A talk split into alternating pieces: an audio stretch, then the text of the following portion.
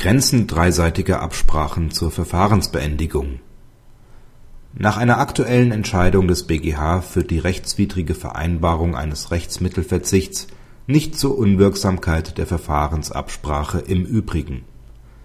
Legt der Angeklagte Rechtsmittel ein, so beseitigt dies nicht die Bindung von Gericht und Staatsanwaltschaft an eine getroffene Absprache.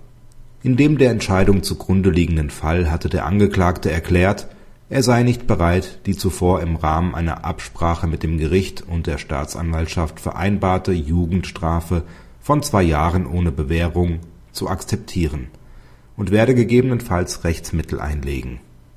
Daraufhin fühlten sich Gericht und Staatsanwaltschaft nicht mehr an die Absprache gebunden.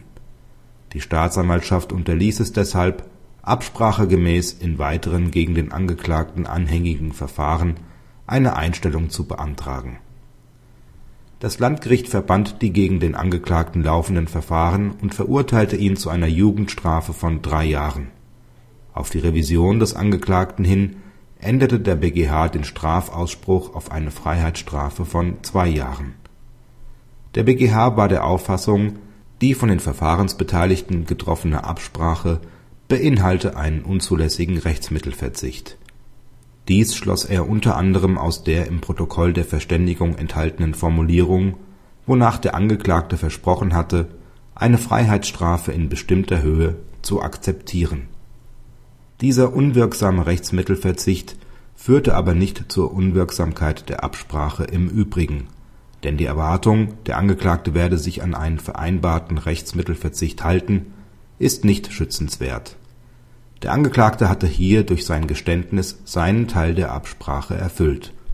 Daher waren Gericht und Staatsanwaltschaft an deren Inhalt auch dann noch gebunden, als der Angeklagte ankündigte, Rechtsmittel gegen die Entscheidung einzulegen dass sich die Staatsanwaltschaft hier nicht an ihre gegebene Zusage gehalten hat, in einer anderen Sache eine Einstellung zu beantragen, führt jedoch trotz des damit verbundenen Verstoßes gegen die Verfahrensfairness nicht dazu, dass sich für die betreffenden Taten ein Verfahrenshindernis ergibt. Da sich aber das Gericht die Zusage der Staatsanwaltschaft zu eigen gemacht hatte, indem sie diese in die Verfahrensabsprache aufgenommen hat, war es hier verpflichtet den Angeklagten nach Möglichkeit so zu stellen, als ob die getroffenen Absprachen eingehalten worden wären.